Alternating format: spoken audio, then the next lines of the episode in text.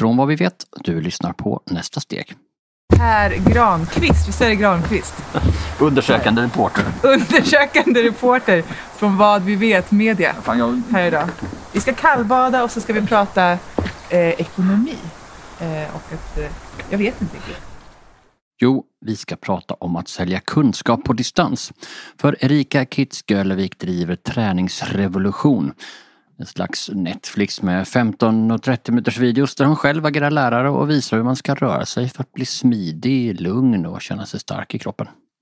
Alla de där grejerna hon brukade göra inför folk gör hon nu också på nätet och så tjänar hon pengar på det.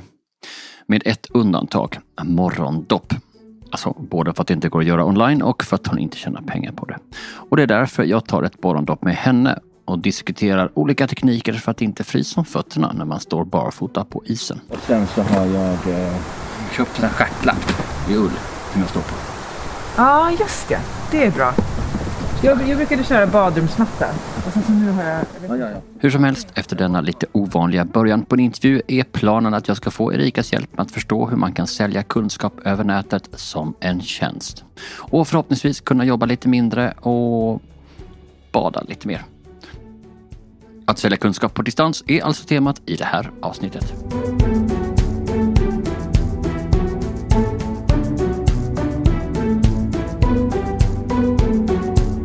Inne i köket över kaffe och banankaka berättar Erika om hur hon som journalist blev allt mer frustrerad och irriterad på den bild av kvinnors träning som de tidningar hon jobbade på hade. Hon berättar hur hon längtar efter att berätta om träning på ett annat sätt. För att må bra istället för att bli snygg. Att vara ute i skogen istället för inomhus. Att träna på ett sätt som passar individen istället för att passa individen i en mall. Och när hon misslyckats med att få gehör på ännu en av alla dessa tidningar och tröttnat på att ännu en av alla dessa chefer sa åt henne att hon hade fel, då sa hon upp sig. Och då slutade du jobba på de här tidningarna? Ja, Och drar till skogs direkt eller? typ. Nej. Jag slutar jobba på de här tidningarna och sen så går jag och grunnar och tänker på vad sjutton jag ska göra. Jag hade en miljard olika idéer. Alltså allting från att typ dra till skogs men mer så här. Jag ska köpa en husbil och så ska jag åka runt och göra reportage och du vet så här. Och så hade jag träningsrevolution redan från början. Jag hade massa idéer. Jag har ofta väldigt mycket idéer. Sen så hade jag ett samtal med min numera kollega Martin. Han skulle egentligen bara komma in och hjälpa mig att bygga hemsida. Och jag bara, jag ska göra tre olika hemsidor. Jag ska göra det här, det här och det här. Och han bara, mm. Eller så gör du en. Och jag tyckte han var världens tråkigaste människa. Men så insåg jag att det kanske var rätt klokt ändå. Och så började vi jobba med den. Och, Och vad då... var träningsrevolution då? Men då var träningsrevolution liksom mer en plattform för mig att ta avstamp från i mitt arbete som journalist och tränare. Mm, för Så- när jag försökte anställa dig så minns jag att det var Just Du var det. väldigt tydlig med att du inte vill bli anställd. Ja. Eh, och då tänkte jag att okej, jag, det kan också bero på att jag ser ut och påminner om alla chefer du har haft. Eh, och sådär kan det ju vara ibland. Man vill bort från något, göra något helt själv på sitt sätt. Utan att någon jävel säger vad man ska göra eller ger råd som hör hemma i en världsbild som man inte längre ställer upp på. Jag känner igen mig i den där känslan, för det har också drivit mig när jag byggt upp vad vi vet. Vi vill ju göra nyheter på ett annat sätt än vad som varit normen. Mer fakta, mindre åsikter, mindre spekulationer. Bara vad vi vet helt enkelt. Så jag ber Erika försöka fånga det där, vad det var hon ville bort från och vad det var hon sökte, vad det var hon tänkte. Det var min tanke med det var att jag är så trött på en liksom, media liten pöl som sitter i Stockholm och alla springer runt på så influencerluncher och har snygga tights. Liksom. För att hälsa och träning bor liksom inte i de där snygga tightsen på någon liten trendig crossfitsbox. Liksom. Eller yogastudio för den delen. Utan det är ju ute i Sverige bland riktiga människor. De är ju mer hälsosamma än vad liksom vilken grön drink som helst. Liksom. Mm. Så det var nog det att jag ville ut och liksom så här prata om det här och någonstans lyfta en annan bild av vad hälsa kan vara. Så Erika gav sig ut på en turné. Hon skaffar en väldigt orange liten buss som står på gården utanför nu och så börjar hon åka runt i Sverige och köra olika sorters klasser som utgår från en helt annan syn på träning. Och det är det hon kallar för träningsrevolution. Hon hörde av sig till folk i träningsvärlden som hon kände utanför Stockholm och som hon dessutom kände delar hennes syn. Gensvaret var stort. Över hela landet kom folk till hennes klasser. Jag tror att det är väldigt många kvinnor framförallt som i liksom decennier har gått och mått dåligt över liksom, ja, men det är ideal och det är vikt och det är utseende. Vi matas med det konstant och det finns en så stark längtan efter någonting annat. Liksom. Så jag tror att det var timing också. Att folk bara säger ja tack, det här behöver vi prata om. Jag tror ju att om det är förändring man vill åt så tror jag att det spelar ingen roll om jag har hundratusen följare och står och skriker i en megafon på Instagram vad jag tycker och tror på. Utan det är först när varje enskild person läser någonting, engagerar sig själv i det, skriver kanske någonting om det där eller lyssnar på någonting och sen kommer hem och pratar om det runt sitt middagsbord eller på sin arbetsplats. Då är det liksom så här, det som händer där, när de tre personerna sitter och pratar och sen så pratar de med en till och en till och en till. Det kommer aldrig synas i siffror någonstans, vare sig i pengar eller i följare. Men det är där förändringen sker tror jag. Så jag tänker att det är det som fokus måste ligga på, att engagera folk på riktigt. För jag tror att alla människor behöver få känna sig engagerade och att saker och ting är viktigt på riktigt. För annars dör vi liksom inombords på något vis. Det hon saknade i strategi kompenserade hon med intuition. Sen så får jag en förfrågan faktiskt från ett företag om föreläsningar. Så pratar vi om det också, så de är intresserade av att få in det. Och då har jag, som jag har spelat in tidigare, ett bibliotek av filmer som jag har rätt att använda. Så jag bara, men jag kan sätta ihop det här till er också. Så där började det. Ett år efter att jag hade startat träningsrevolution och kickat ut tusen bollar i luften och åkt runt i min orange buss. Så inser jag att det här blir spretigt. Liksom. Ingen fattar vad jag gör, inte jag heller. Årsskiftet 2019-2020 kommer Erika över ett hus på en gård vid sjön Båven. Och där finns också en lada. Och hon och kollegan Martin bestämde sig för att utveckla den där träningsonline-kanalen som hon gjort. Bestämde oss för att jobba hela februari och mars förra året med att skapa massa nytt innehåll och skapa liksom själva upplägget på det. Så vi sitter och jobbar superintensivt med det. När vi har liksom jobbat två veckor eller något sånt här, då kommer pandemin och allting. Och man bara, va? Så då blir det någon så här bizarr känsla i faktiskt när jag ser, du vet alla börjar ju så panikköra saker online och jag blir också lite stressad och tänker, ja nu missar jag tåget och så Martin igen då, han bara, ta det lugnt, nu lanserar vi någonting bra istället liksom så här, vi behöver inte stressa. Vi hade vi var ju liksom halvvägs in i, i arbetet på något vis. Så det var ju ren liksom egentligen flax att jag hittade Martin som dessutom var så här, nej men jag vill inte bara knacka kod, det kan du göra själv. Eller liksom så här, bygga en hemsida kan vem som helst göra, jag vill vara med och skapa allt. Mm. Liksom. Så det är han som kan det tekniska. Men sen så har jag lärt mig extremt mycket, jag har insett. Så nu sitter jag ju ganska mycket med det själv, för det finns ju så mycket bra plattformar att jobba från. Man behöver ju inte bygga allt från grunden. Liksom. Så då är det ju ganska lätt när man väl har lärt sig. Mm. Vad kör ni för plattformar? Nu är det tre olika. Så jag jobbar med Squarespace, Uscreen och Mighty Networks.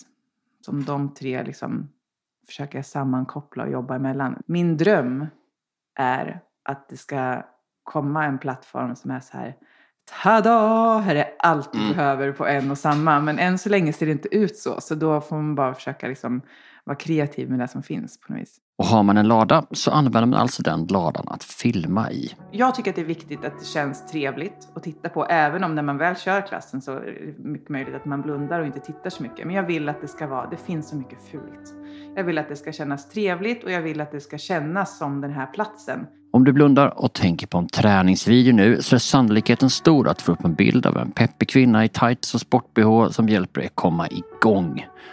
Erikas videos är något helt annat. Jag är journalist och tränare och jag brinner för det här på riktigt. Men sen så gör man saker inom media och så får man massa smink och bjärta kläder och så, så står man där med handen i midjan, ut med höften och ler. Liksom. Och jag bara varit så jag kan inte göra det där. Jag måste få vara jag. Liksom. Att det inte ska vara någon skillnad på när man kommer hit och vi tränar än om det är liksom på en video någonstans. Så det, det är nog det som jag liksom som har varit mest. Att jag har varit ganska medvetet att jag har på mig mina kläder. Det är inte liksom nya kläder i allting utan jag har det jag har. Inte, för nu har jag blivit sponsrad av eh, eh det här nya märket. Så nu har jag, vet jag bara säga nej. Det jag kan inte. Liksom.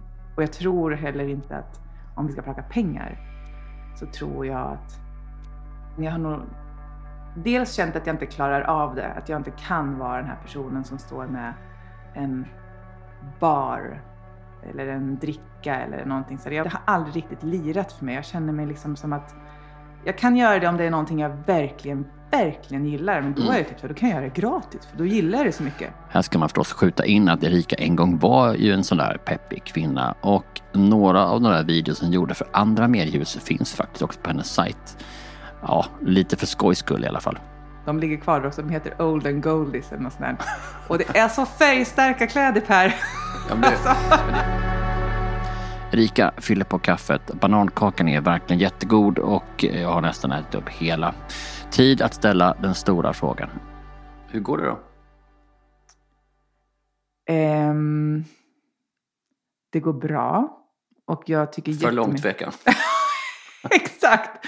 Ja, men det beror alldeles på vad man mäter. Det går bra och jag tycker jättemycket om det men det är också skitjobbigt. Mm. alltså, men tjänar du pengar på det? Jag tjänar pengar. Jag skulle behöva tjäna mer pengar. Mm. Eh, men det, det som jag gillar med alltså online-träningsbiten är ju att den rullar ju av sig själv nu mm. lite grann. Och det är skönt liksom, med den biten. Att den rullar av sig själv. Sen måste man ju jobba med liksom, här, ta hand om de som är där. Så de känner att de trivs och mår bra och stannar kvar. Liksom. Hur sätter man eh. pris? Hur, hur visste du vad du skulle ta betalt? Jag satte pris. Jag kollade på hur priserna ser ut ungefär. Vilka priser då? På annan online-träning. Mm. Jag ville varken lägga mig jättemycket högre eller lägre. Men för att jag vill att man ska ha råd. Liksom. Mm. Eh, så. Sen så har jag fått många som har sagt till mig att vi måste höja priserna och jag har varit så här, men jag vill inte riktigt det. För jag vill inte att det ska, då tappar man hela grejen med att det ska nå alla. Så hon har en bit kvar, men det är på rätt väg. Apropå hur det går, för det som händer när man driver någonting eget som du vet också, det är att jobb, mängden jobb tar ju aldrig slut. Liksom. Så jag har fått lära mig och försöker fortfarande lära mig att jag inte kan dra igång saker som kräver liksom ännu mer adminarbete eller så. För att det är sånt som slukar all tid som gör att jag sen inte kan ta hand om mina medlemmar eller skapa mera träning eller liksom något mm. sånt där. Men är ditt mål att kunna leva på det och ha det som en inom citationstecken passiv inkomst? Att det rullar på och så? Ja, mitt mål är att kanalen ska liksom rulla så pass mycket pengar så att jag kan leva på det och egentligen inte luta mig tillbaka utan jag älskar ju att göra både reportage och att göra de här träningsfilmerna och eventen och så. Men framförallt när man ska göra reportage och när man ska ta in andra och liksom. Men det är jag som driver företaget så, så har jag Martin som projekt. Kom in och jobba på projekt liksom. Så det kostar ju pengar att driva och skapa allt det här. Och mitt mål är att verksamheten ska snurra så pass att jag kan fortsätta göra det. För jag tycker att det finns liksom historier, att, du vet ju det här, men mm. man vet att det finns historier att berätta, det finns människor man vill träffa, det finns liksom massa saker man vill göra. Och då måste man få ekonomi i det för att kunna göra det, för att man måste liksom också leva. Du vill helt enkelt tjäna tillräckligt mycket för att kunna veta att ja, men i oktober nästa år så borde det vara rimligt att jag tjänar så här mycket. Ja, precis. Och att jag liksom, jag vill kunna veta att jag kan ta hand om mina barn, ha mat på bordet och bo bra. Men också att jag kan liksom åka och göra det där reportaget där. Skapa mera sån online-träning där. Alltså göra det så att jag har liksom en verksamhet som i stort snurrar. Så att jag inte behöver tänka att jag ska jobba för det där företaget där för att tjäna pengar för att kunna lägga på det jag vill göra. Utan att vara självförsörjande på något vis blir det ju. Mm. Alltså... Men det är inte mål, målet är inte att bygga upp en uh, mot, samma konkurrent till Sats? Liksom. Nej, jag tror aldrig att jag kommer... Eh, jag är liksom inte... Då måste du ge upp morgonbaden. Exakt. det där har varit en ganska svår avvägning tycker jag. Att jag har ju tusen idéer och jag har också tusen idéer på hur det jag gör skulle kunna bli väldigt stort. Mm. Avvägningen blir ju någonstans, då bygger jag en verksamhet som skapar ett liv som jag inte vill leva. Och då finns det ju kanske sätt att göra det och sen jobba tillsammans med någon annan så att jag fortfarande kan leva mitt liv. Men det där är ju en avvägning. Att liksom, om pengarna och att växa driver, då kommer jag ju bort från det som gör mig lycklig på något vis. Mm. Vilket kan låta som en klyscha, men det är faktiskt viktigt. Ja, det är det ju faktiskt. Rika Kids Gölevik har alltså byggt upp träningsrevolution.se genom att inte tappa fokus på sig själv och vad hon vill och det hon vill lära ut. Snarare än att försöka fokusera på tekniken som sådan. Men när man hittat det där, då borde ju verksamheten kunna skala hur mycket som helst, eller hur? Då borde man ju kunna sälja till alla på hela internet. Eller? Mer om det efter det här.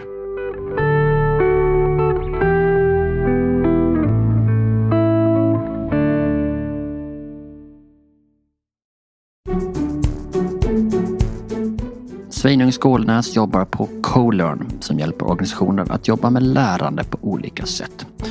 Det låter konsultigt och det är det förstås. Men vad som skiljer CoLearn från många andra konsultbyråer är att man också lyckats bygga upp en verksamhet där man säljer sin kunskap som tjänst.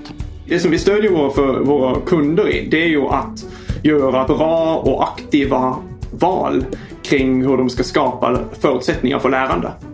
Så vi har ju paketerat vår metod och vår metodik i en guide, en digital guide. Som är enten som kan de använda den som ett steg för steg process om de ska skapa en lärandelösning, ett kurs, ett program. Eller så kan de använda det som en digital verktygslåda. Och då har vi skapat det på en plattform som heter Notion. Och det av olika skäl. Ett av skälen är att ingen av oss är utvecklare och kan så mycket om teknik på djupet. Och så är vi i ständigt utforskande och experimentering. Så vi vill inte eh, investera i tekniken för vi har på något sätt på riktigt validerat att det här är en lösning som är den som bör finnas för folk.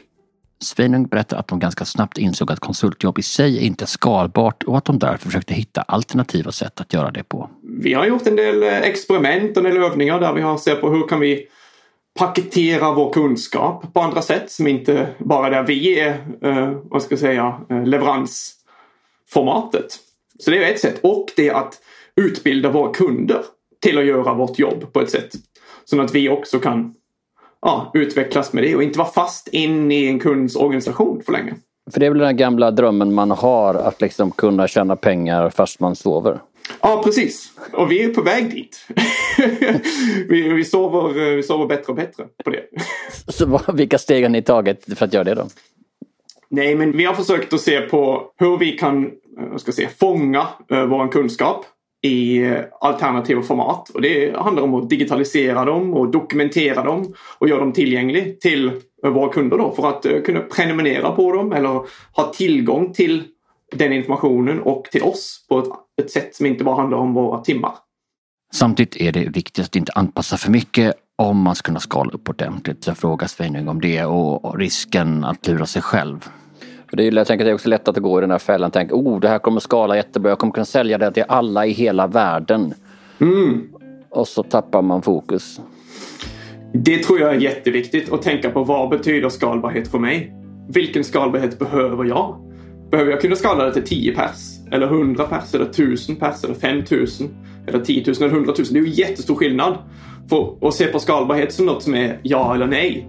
Då tror jag du kan hamna i fällan att det aldrig blir, håller på att säga, skalbart nog. För du tänker att det ska vara oändligt skalbart. Men det är okej att designa in lite manuellt arbete i en digital lösning. Sen om vissa delar av den kan vara jättesmart, vissa delar kan vara jättedum.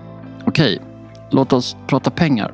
Hur hittar ni vad ni ska ta betalt? Alltså, Mm. alla tänker ju att man ska ta betalt mycket för att då tjänar man mycket pengar. Och sen har vi den här andra, ta betalt lite istället för jättemånga kunder. Mm. Vi har ju den här prenumerationstjänsten eller om man så vill. Det är ju en slags software as a service modell. Hur resonerar ni kring det? Vi testar oss fram, helt ärligt. Vi har också ganska öppet med våra kunder kring att uh, vad har ni för förutsättningar och hur kan vi möta det? Ett sätt att lära oss. så tar vi mer och mer betalt eftersom vi ser att vi har, kan dokumentera värdet. Och det är ju en viktig del, att kunna dokumentera värdet, att göra jobbet efter jobbet är gjort med att lära sig om effekten tillsammans med kund. För då blir det lättare för dem att sälja in ja, till sina. Alla har väl en chef för att då kunna ja. Just det, så, då får ni, så det blir liksom dokumentationen som också samtidigt är en case study för nästa. Ja, precis. Och så tänker jag att när man är få, vi är mellan 2 och 11 som jag sa. Och då kostar ju det att driva och sälja saker. Det är en kostnad för det. Som är relativt hög i och med att det är mycket tid som går. Så vi har också sagt, för att förenkla det, att vi har en, en minimumsstorlek på projekt och på eh, prelimination till exempel. Som gör det enklare för oss att starta samtalet med en kund på en viss nivå. Så det är sådana saker som vi ser att kan vara ja, verktyg i den processen. Det här kan ju låta lite som supermodellfasoner. Du vet det där som supermodellen Linda Evangelista som någon gång på 90-talet sa att hon inte kliver ur sängen för under 10 000 dollar per dag i arvode. Men Sveinung har en annan syn på det. Det är väl lite att ta sig själv på allvar också. Man kan ju fastna i att vara väldigt styrt av vad kunden har för budget. Men där tror vi väldigt mycket på att eh, vi vill skapa utbyten som är rättvist på något sätt. Vi vill att ni ska mäta oss av på vår effekt. Men vi vill också att ni ska ta oss seriöst på vad det innebär och på vad det kostar. Och jag ska säga att det handlar också om att hitta sin kund och lära känna den mycket. Och gå in i det. Så att inte, för jag tror det är mycket som man man kan hitta på en produkt för det man tycker den är rolig och bra själv. Men det är att jag tänker att man ska prototypa fram det här erbjudandet om det är något nytt. Om vi ska skilja ut en del av din kunskap och kompetens. Så hoppa till slutet, ta fram det där paketet, börja sälja det, börja lägga det ut på nätet. Och när någon köper det så kan du gå in och utveckla det också. Föreslog Sveinung Skålnäs på CoLearn.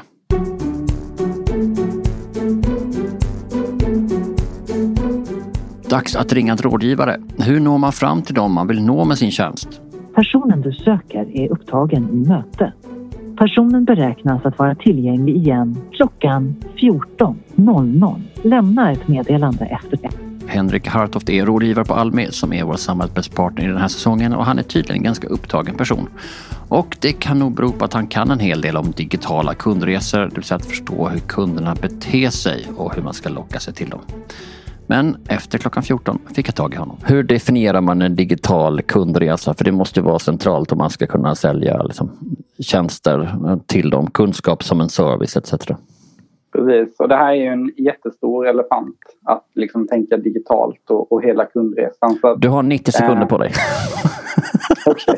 vad bra. Då bryter man upp det i tre delar. Först leads, alltså hur hittar kund till dig? Hur konverterar du dem? Till att bli kunder och vad händer sen efter köpet. När man delat upp dem i tre steg då kan du sen bryta ner dem i ytterligare steg och helt plötsligt så blir den här jättekundresan hanterbar. Och man kan ta action på de delarna som är mest relevant för en eller där man har mest utmaning. Eh, men, men att börja med att dela upp dem i föreköp, underköp, efterköp och ta dem i de delarna skulle vara mitt absolut eh, 90 sekunders råd. Jag tror att du förstår varför jag ringt Henrik.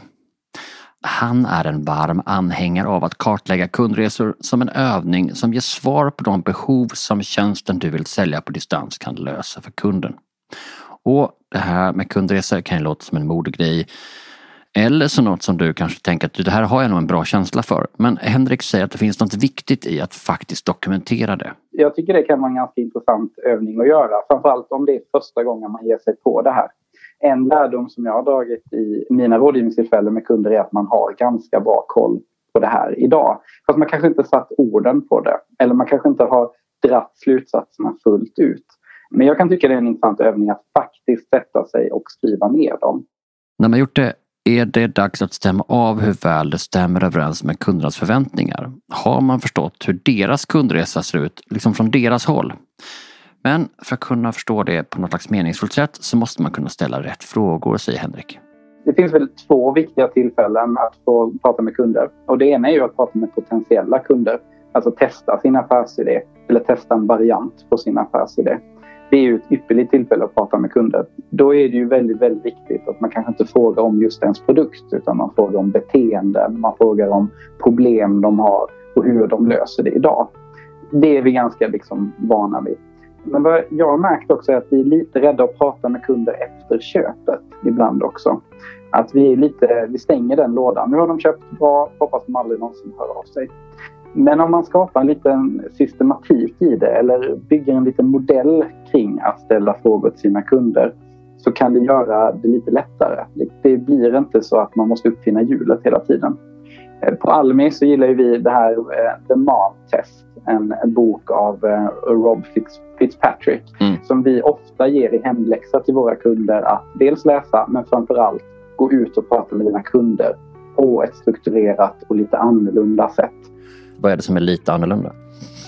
Ja, det är som den här boken då med det lite knepiga namnet, ja, mammatestet som det blir på svenska. Mm. Den bygger på att du ska till och med kunna fråga din mamma, det vill säga din största fan och supporter i hela världen, om din produkt eller affärsidé och ur hennes svar få vettiga möjligheter att dra slutsatser. Att till och med din egen mamma ska kunna hjälpa dig här och hon som alltid stöttar dig. Och då handlar det mycket om att fråga om beteenden, alltså hur löser man problem idag? Prata mycket lite om sin produkt, sin lösning. Men också prata om historik. Inte så mycket hur skulle det kännas om du kunde lösa utan hur löste du det då? Alltså gå bakåt i tiden för att komma närmare sanningen. Det är ju någonstans att aldrig fråga, tycker du att den här produkten är bra? Nej, exakt. För då kommer mamma alltid säga, den är toppen älskling. Exakt, exakt. Så att helt enkelt undvika det. Och det är också för att du inte ska, som då produktägare eller som med din affärsidé, vara lite distanserad till den. För det kan ju hända att i dina kundintervjuer kommer du till insikt att okej, okay, jag hade en bra grundidé men det kunderna egentligen efterfrågar är någonting annat. Så att vara lite distanserad till ja, din älskling, din affärsidé, vilket mm. är rätt svårt att vara. Men eh, det kan i sig göra att man blir lite mer spänstig i tankarna. Och den som lät så spänstig i tanken var alltså Henrik Hartoft på Almi. Som företagare har jag lärt mig det mesta genom att prata med andra som också driver företag. Så vilken företagare tror du skulle uppskatta dagens avsnitt? Använd dela-knappen i din poddapp och välj om du vill messa eller mejla eller göra vad du vill egentligen för att de ska nås av budskapet att lyssna på det här avsnittet. Delar du i sociala medier ska du använda hashtaggen nästa steg. Jag vill också tipsa om att följa den här poddens konto på Insta. Där kallas den för www.foretag. Enkel v, enkel v, enkel v. Foretag. Där vi delar med oss av knep som du inte får höra här i podden. För allting får inte plats här nämligen. Men med det sätter vi punkt för idag. Tack för att du lyssnat. Nästa vecka är det dags för ännu ett avsnitt där jag hänger på någon företagare som är på väg att ta nästa steg eller har tagit det och kanske just det steg du funderar på. Klicka prenumerera här i appen för att inte missa det avsnittet. Till nästa gång, ta hand om dig och förvalta kunskapen som du skulle kunna sälja på distans.